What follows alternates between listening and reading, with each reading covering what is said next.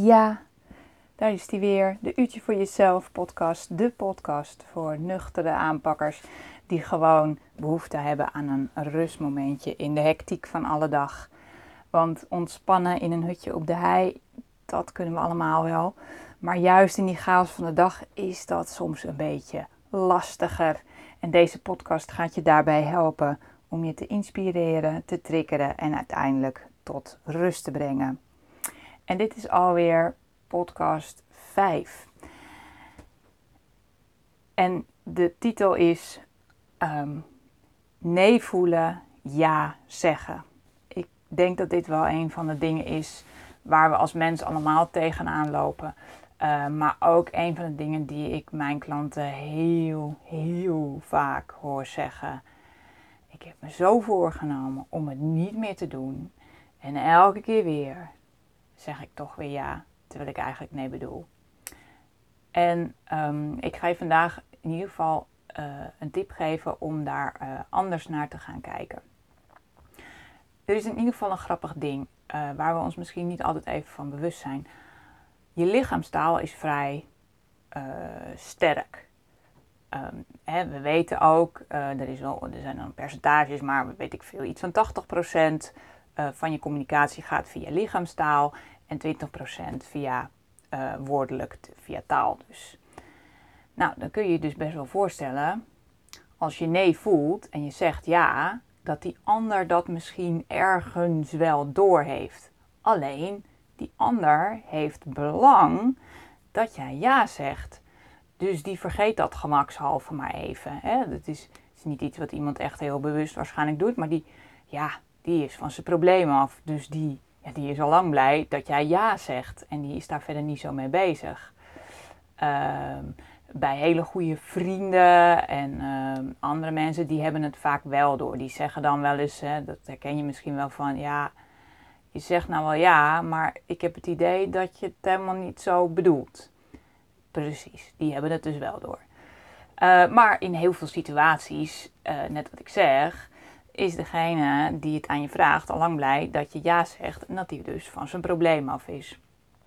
En dat is dus eigenlijk uh, een beetje de tip van vandaag die ik je mee wil geven. Uh, mijn man heeft daar een heel mooi woord voor. Die zegt altijd: uh, Je moet altijd goed beseffen wie is nu eigenlijk de probleemeigenaar. Prachtig woord. Wie is nou de probleemeigenaar? Degene die jou iets vraagt is vaak de probleemeigenaar. En door het naar jou te brengen. En op het moment dat jij ja zegt, ben jij dus op dat moment probleemeigenaar geworden. En de truc is dus elke keer om voordat je iets toezegt te bedenken: is dit wel van mij? Is dit eigenlijk wel mijn probleem? Ja of nee? En een andere goede vraag is: wil ik dit wel mijn probleem maken? En uh, vaak als je echt die nee, die diepe nee voelt, is het antwoord op beide vragen natuurlijk gewoon nee. En, uh, en het helpt dus om op het moment dat er zoiets wordt je gevraagd en van, waarvan je weet van oh, ik trap daar altijd in, om dan iets achter handen te hebben. Want meestal voel je die situatie, die voel je al aankomen. Denk je, oh, weet je, bij zo'n vergadering waar iets gedaan moet worden, waar eigenlijk niemand zin in heeft, hè, dan voel je hem al in de lucht hangen. En het grappige is, het is altijd een spel uh, tussen mensen die het langs hun mond kunnen houden, totdat er een zo zenuwachtig of zich zo geroepen voelt om het dan toch maar te doen, zeg maar. Nou, en eh, als jij dus degene bent die het altijd doet, is het wel eens handig om dus een truc te hebben om dat eens niet te doen. En een van de dingen, ik zeg altijd van, je kunt bijvoorbeeld letterlijk in zo'n vergadering op een hand gaan zitten. Eigenlijk zeg je maar, handjes op je rug, blijf er vanaf. Het is niet van jou. En het grappige is, door zoiets concreets te doen, ga je dus even uit je hoofd in je lijf en doorbreek je dus eigenlijk ja, die soort van, dat soort van patroon om gelijk daarin te stappen. je kunt ook een ademhaling pakken. Dat kan ook. Is voor niet iedereen even handig. Uh, wat meer, hè, ik heb hem al eens eerder gezegd, ook met, met energie en zo, wat meer naar achter in je stoel te gaan zitten. Ehm, hè, of eh, als het één op één is, zeggen van joh, je overvalt me ermee. Ik moet even in mijn agenda kijken of ik daar wat tijd voor heb. Nou, dit soort tips. Het kan best zijn dat je ze, behalve die misschien op je handen zitten, die is wat. Uh, dat is echt weer iets, een bedenksel van mij. Uh, maar hè, die heb je vast wel eens eerder gehoord.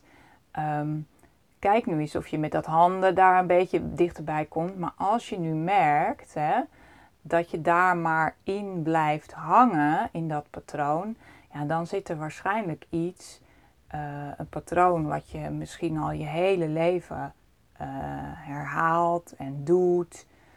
Uh, in je kindertijd misschien al. En dan zit daar iets wat dus niet. En, en, en dat linkt dan door naar nu. Ik, ik hoop dat je me nog, uh, dat je me nog volgt. maar dat loont ook nog wel eens om daar eens naar te kijken. En je dan te realiseren van... Hé, hey, maar goed, ik ben nu geen kind meer. Ik ben gewoon een volwassen man of vrouw.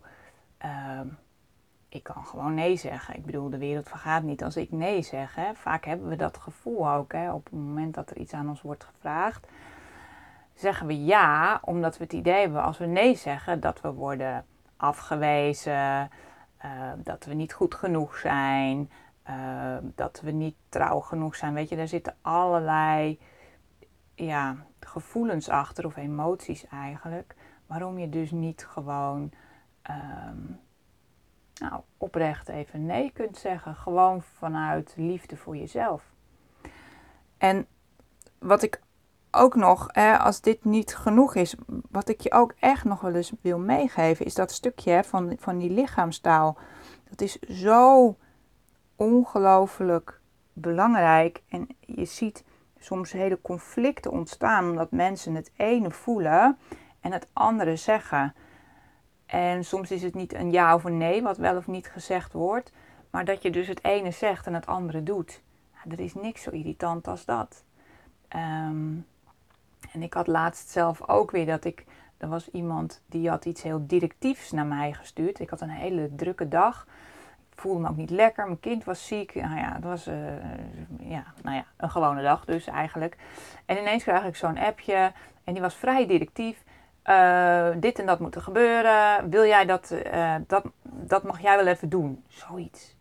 En, en toen dacht ik, ja, nou ja, goed, dat moet ik dan maar even doen dus in een, in een vlaag van, van, van, ja, dat is bijna een soort, ook een soort patroon. Hè? Het is wat directiever, dus dat hoor, behoor je te doen. Dus ik heb, ja, dat is goed gezegd. En later dacht ik, ja, maar dat ik wil dat helemaal niet. En wat een gedoe. Dus uiteindelijk heb ik dat dus teruggedraaid. Ik heb het niet gedaan. Maar ja, dat kost me dan nog veel meer dan als ik gewoon gelijk had gezegd: nee joh, dat komt me niet uit. Punt. Klaar, weet je, hoe moeilijk. dus het blijft altijd een, um, een dingetje. Dus als het dus bij mij vrij directief is, dan, dan, dan heb ik de neiging om daarin mee te gaan. Dat is mijn patroon. Uh, en sommige mensen krijgen daar juist een allergie op en doen het juist niet. Die gaan met de halk in het zand. Uh, die zijn weer gevoelig voor een ander stukje. En vaak komt dat uit dingen vanuit je jeugd.